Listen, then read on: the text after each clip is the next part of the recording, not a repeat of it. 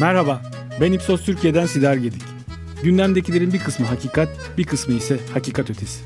Bizler de bu podcast serimizde çeşitli konuları Ipsos araştırmalarının ve konunun uzmanlarının yorumlarıyla hakikatin ile başlayan sorularımızla ele alıyoruz. Hakikaten hazırsak başlayalım. Merhabalar. Hakikaten podcast serimizin bir başka bölümünde daha birlikteyiz. Bugün çok önemli bir konuyu birlikte ele alacağız. Cumhuriyet yolculuğumuz hakkında hakikaten ne düşünüyoruz? Cumhuriyetimizin 100. yılını kutlama haftası içindeyiz şu anda. Bu yüzden de bu konuyu bugün ele almaya karar verdik. Her zamankinden farklı bir uzmanımız var yanımızda. Normalde şirketimizin yöneticilerinden arkadaşlar benimle birlikte olurlardı. Ama bugün Cumhuriyet'in 100. yılı şerefine şirketimizin 30 yaş altı e, araştırmacılarından ki bu yıl Türkiye Araştırmacılar Derneği tarafından 30 yaş altındaki araştırmacılara verilen Genç Baykuş Ödülü'nün sahibi Eda bizimle birlikte. Merhaba Eda, hoş Merhaba, geldin. Merhaba, hoş buldum. Çok teşekkür ederim.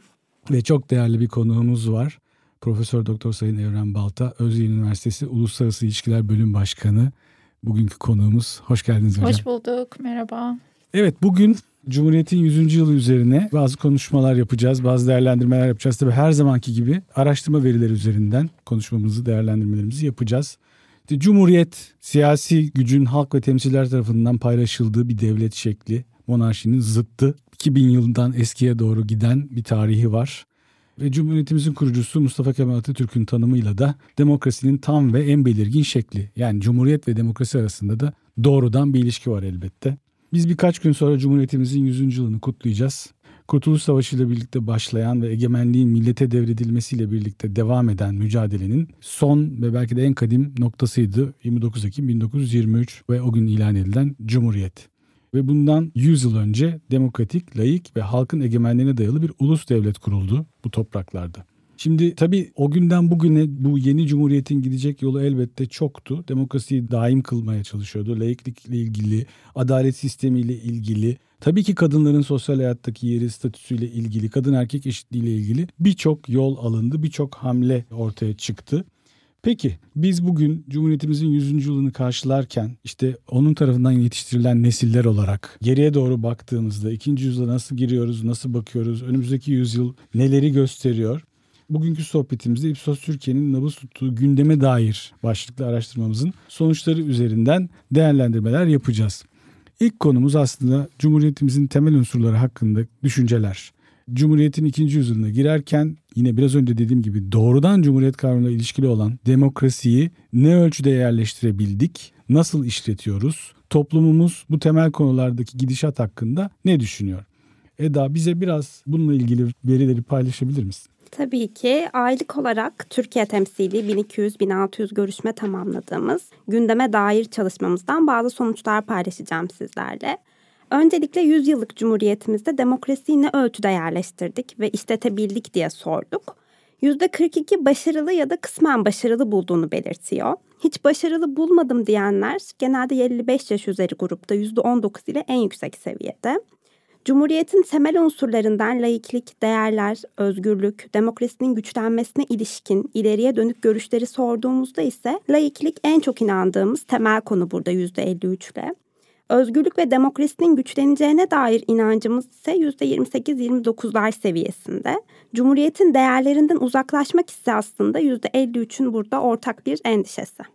Burada tabii şey de önemli özellikle yani 100. yılda demokrasiyi ne ölçüde yerleştirdik, işletebildik sorusuna %42 aslında katılım gösteriyor. Yani yeterince veya tam iyi bir şekilde işletebildik, yerleştirebildik diyor. Ama bir başka %42 var ki o da aynı fikirde değil.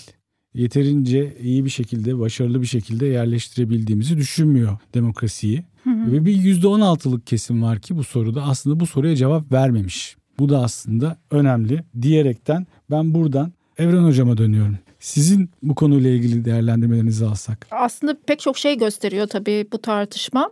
Bir tanesi cumhuriyet ve demokrasi arasındaki ilişkiyle doğrudan bağlantılı. Çünkü cumhuriyet demek siz de bahsettiniz ilk girişte aslında halk egemenliği demek. Yani egemenliğin halka devredilmesi demek. Türkiye'nin demokrasi tarihinde temel olarak aslında halk egemenliği ana kategorisi olmuş demokrasiyi değerlendirmenin. Bu da ne demek? Seçimler.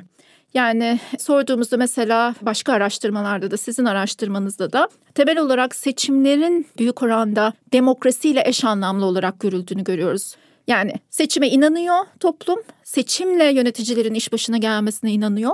Ama daha geniş anlamda liberal haklar anlamında, özgürlükler anlamında, katılım hakları anlamında demokrasiye yönelik bir toplumsal uzlaşmayı maalesef 100 yıllık Cumhuriyet tarihinde biz çok inşa edememişiz gibi gözüküyor. Bence temel şeylerden birisi bu. İkincisi sorduğumuzda yine aslında bu seçimler, temel haklar meselesinde sizin araştırmanızda da muhtemelen eğer daha derine baktığınızda da çıkan bir şeydir. Ciddi bir kutuplaşma var Türkiye'de.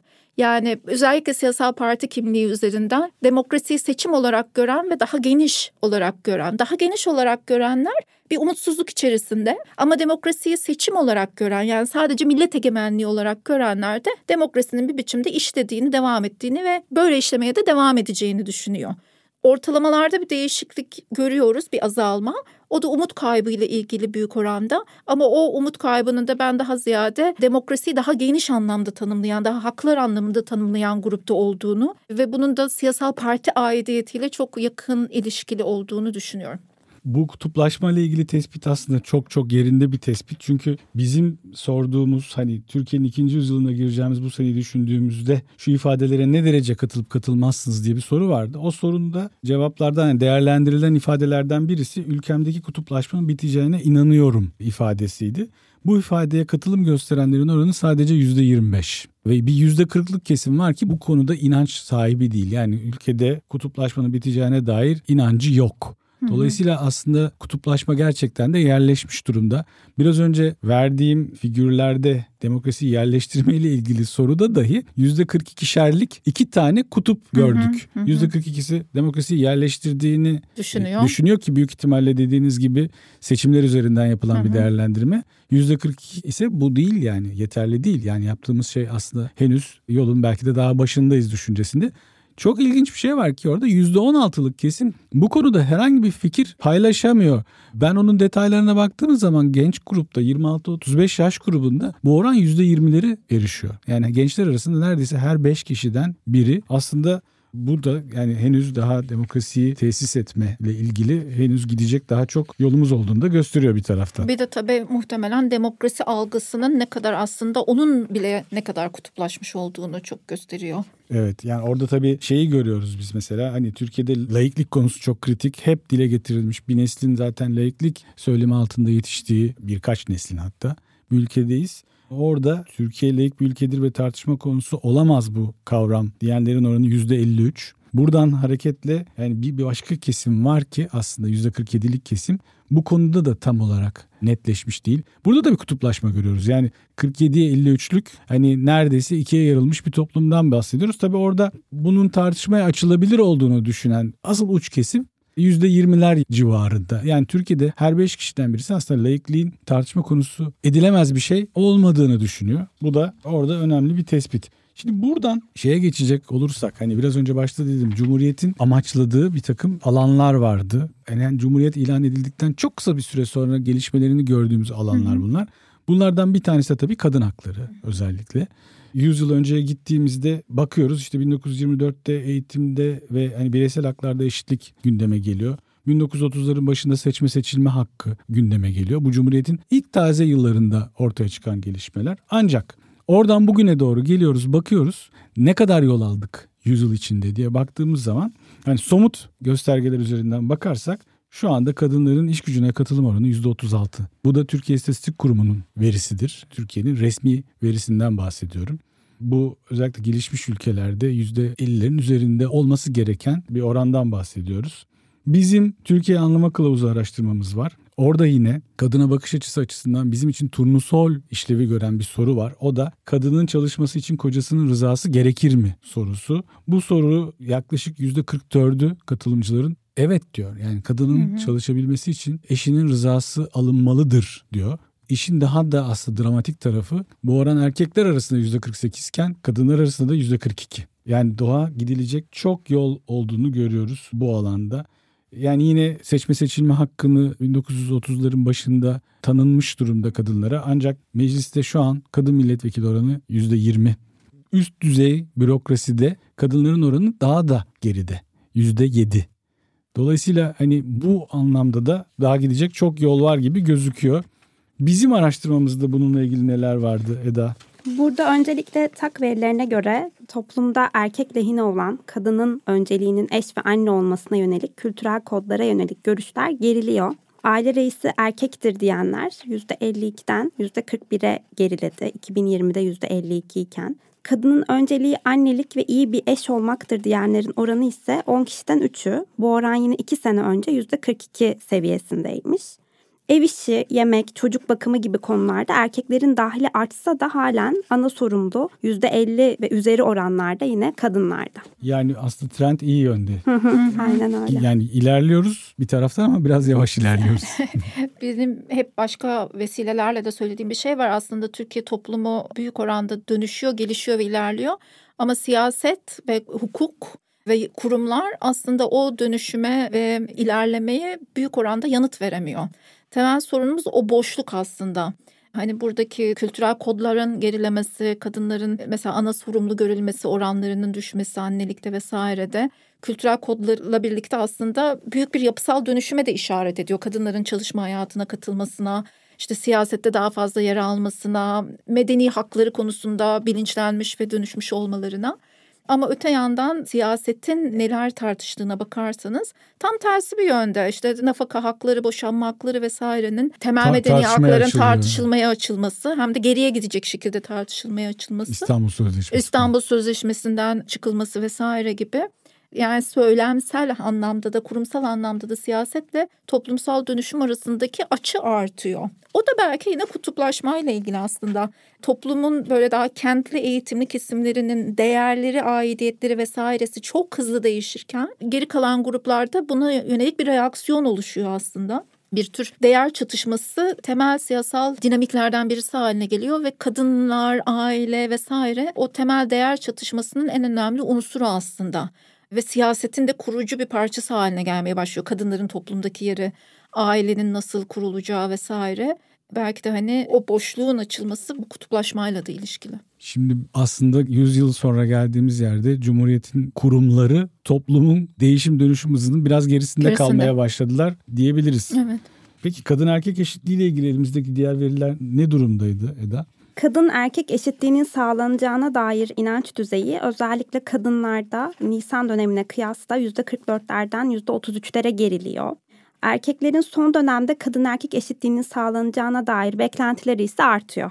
Yani burada da aslında Benzer şey. yine benzer bir durum var. Evet. Yani aile içindeki yerine dair kültürel kodlardaki dönüşüm kadın erkek eşitliğine bakış açısında da kendini gösteriyor. Evet. O yönde de aslında pozitif bir trend olduğunu görebiliriz. Ama yine de orada umut eksikliğinin olması. Ben şimdi burada önümdeki verilere de bakıyorum. Nisan'da yüzde 44 iken eşitlik sağlanacak diyenler yüzde 33'lere gerilemiş olması ve çok kısa bir zamanda bunun bir yıldan az bir zaman belki biraz daha Onun, fazla. onun bir açıklaması şöyle ne aslında. Yani Nisan döneminde Türkiye'de bütün figürlerde, bütün göstergelerde pozitif bir durum Bir vardı. durum var. Seçim öncesinde gerek muhalefetin gerek iktidarın estirdiği pozitif havanın yarattığı bir ortamda birçok göstergede biz çok daha pozitif şeyleri ölçtük.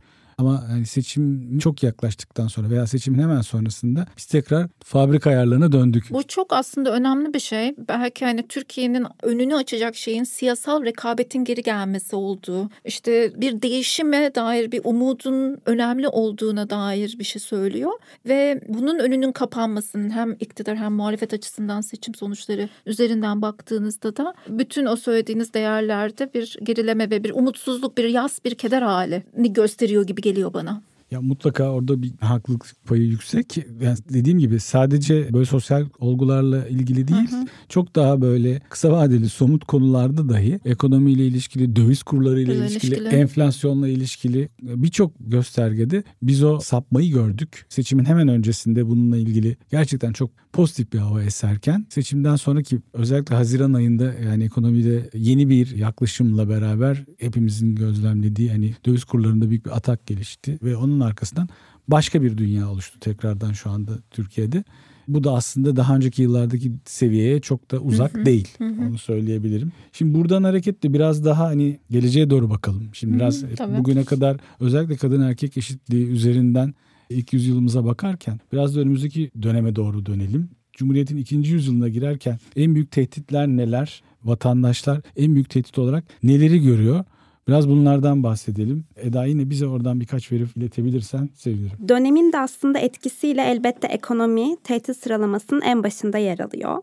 Ekonomiyi eğer dışarıda tutarsak Nisan'dan bu yana ilk üç konumuz şöyle. Doğal afetler, hukuk adalet sisteminin zayıflaması, şeriat ve laiklik tehdidi. Bu konu özellikle gençler ve 55 yaş üzeri kitle tarafından daha çok dile getirilmiş. Komşu ülkelerle gerilim ve uluslararası ilişkilerin bozulması ise sonlarda da olsa Ağustos itibariyle dile getirilen diğer tehditler arasında. Doğal afetler özellikle kadınlar tarafından daha fazla dile getiriliyor. Kadın erkek eşitsizliği de yine listenin sonlarında ama yine kadınlar tarafından daha fazla dile getirilen bir madde. Burada tabii topu size atmadan önce Evet. şunu söyleyeyim. Hani ekonomiyi dışarıda tutmak zorunda kaldık bu değerlendirmeleri yaparken. Ekonomi tek başına çünkü o kadar baskın ki tehdit olarak cumhuriyetimizin üzerinde bir tehdit olarak görülüyor artık. yani günlük yaşamımızın işte hayatımızı idame ettirmekle ilgili zorlukların falan ötesinde cumhuriyetin tehdit eder nitelikte görülüyor ekonomik kriz. O yüzden onu biraz dışarıda bırakarak diğer olguları sıralamaya çalıştık. Yine hani biraz önce demokrasi ile cumhuriyet arasındaki doğrudan ilişki üzerinden konuşuyorduk. Demokrasinin zayıflaması gibi bir tehdit var mı diye de baktığımız zaman hani böyle bir tehdit Bunu görülüyor görmüyor. mu? Bu sadece yüzde altı tarafından dile getirildi. E, Hani demokrasi üzerinde aslında bir tehdit görmüyoruz. O da bence önemli bir bulgudur diye düşünerek size topu atayım. Evet bu söylediğiniz ilginç tabii. Mesela şeriat laiklik tehditinin girmiş olması ilk üç tehdit arasında ama demokrasinin girmemiş olması. Çünkü yine seçim öncesi döneme baktığımızda aslında Türkiye'deki tehdit algısı biraz muhalefetin toplumsal bölünmeyi kurma biçimi üzerinden de daha demokrasi otoriterlik tehditine doğru değişmişti. Türkiye'de demokrasi tehdit altında gibi.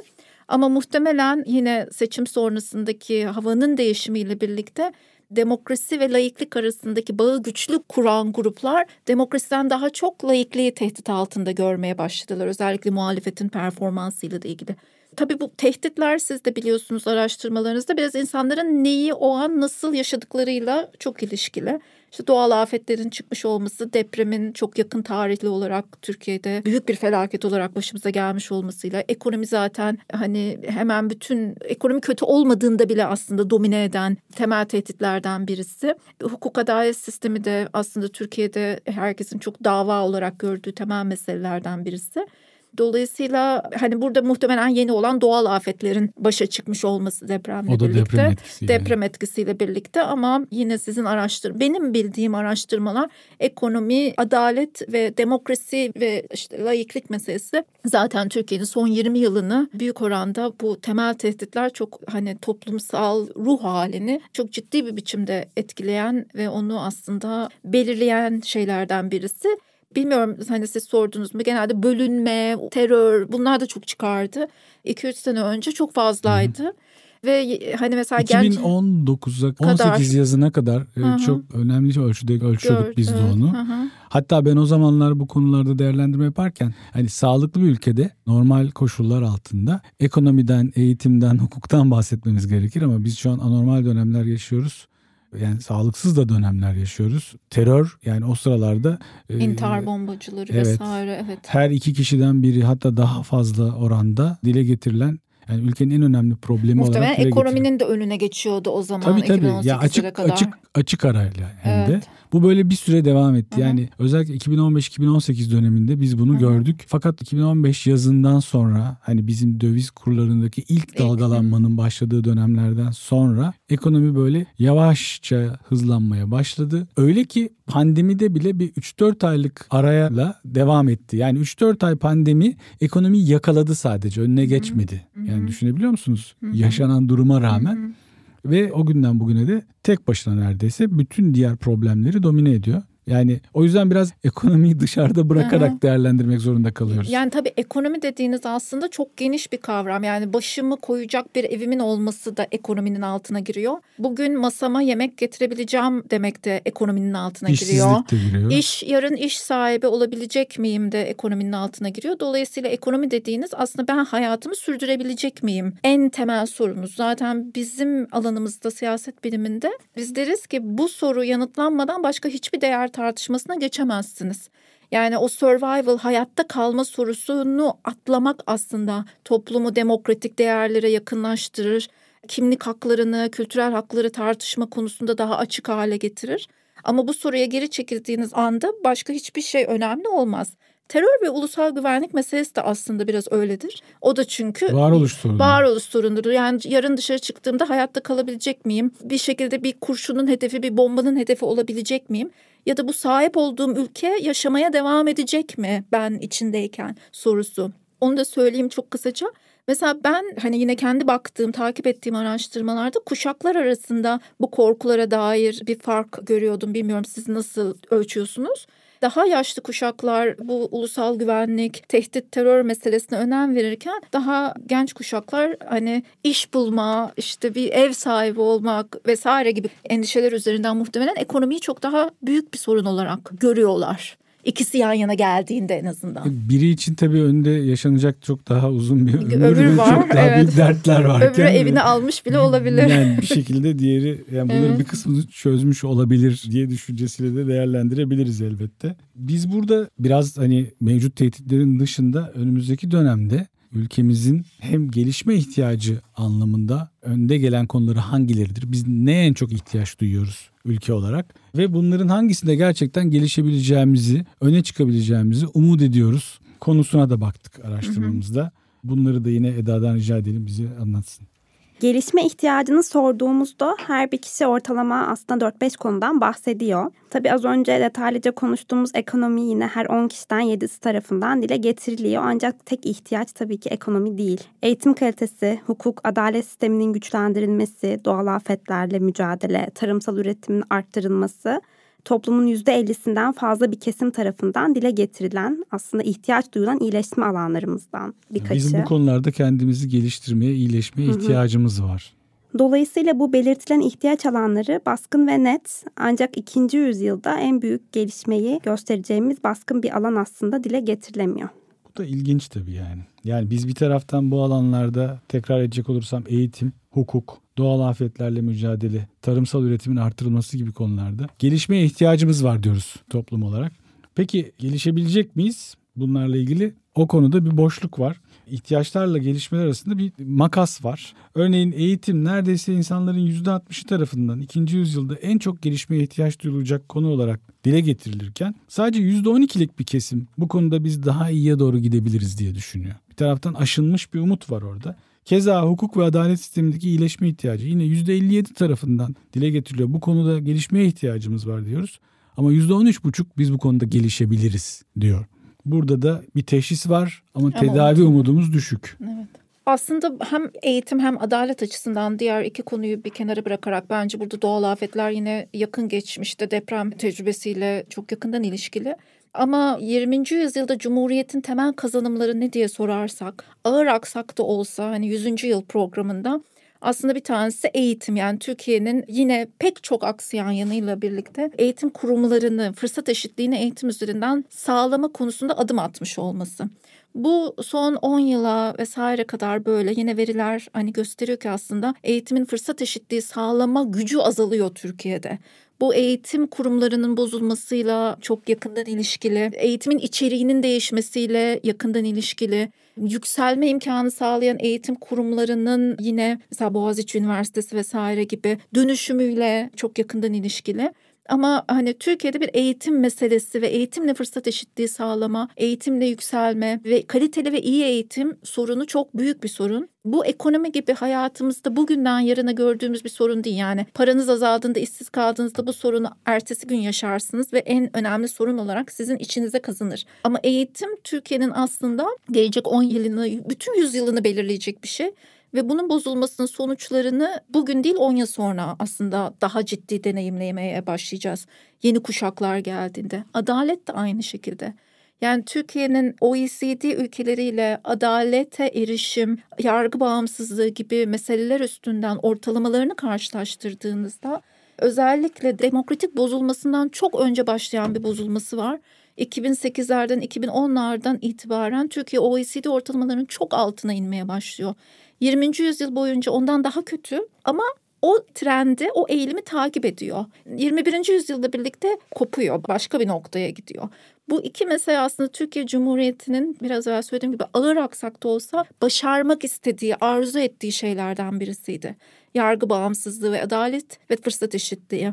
Bunların 20. yüzyılın bile gerisine düşmüş olması aslında o umutsuzluğun temel nedenlerinden birisi. Bu konuda pek kutuplaşmış değiliz gibi. Değiliz. Herkes farkında ama sorunun çözülemeyeceğini ya da çözecek olanın kim olduğu konusunda ayrılıyor. Herkes iyi eğitim istiyor. Herkes tarafsız yargı, adalet istiyor ama nasıl çözüleceği konusunda anlaşamıyor. Bu biraz önceki tespitinizden hareketle aslında biz mesela Cumhuriyet'in 100. yılını ve önümüzdeki 2. yüzyılını değerlendirirken insanlar olarak yani bu araştırmada da gördüğümüz şey aktüel konular aslında bu yani 200 yıllık yani 100 yıl geri gidelim 100 yıl ileri gidelim 200 yıllık değerlendirme için aktüel konular fazlasıyla baskın. İşte ekonomi ya da doğal afet yani geçen yaşadığımız deprem felaketinin etkisiyle. Biz bunu şeyde de gördük yani bu baskınlığı.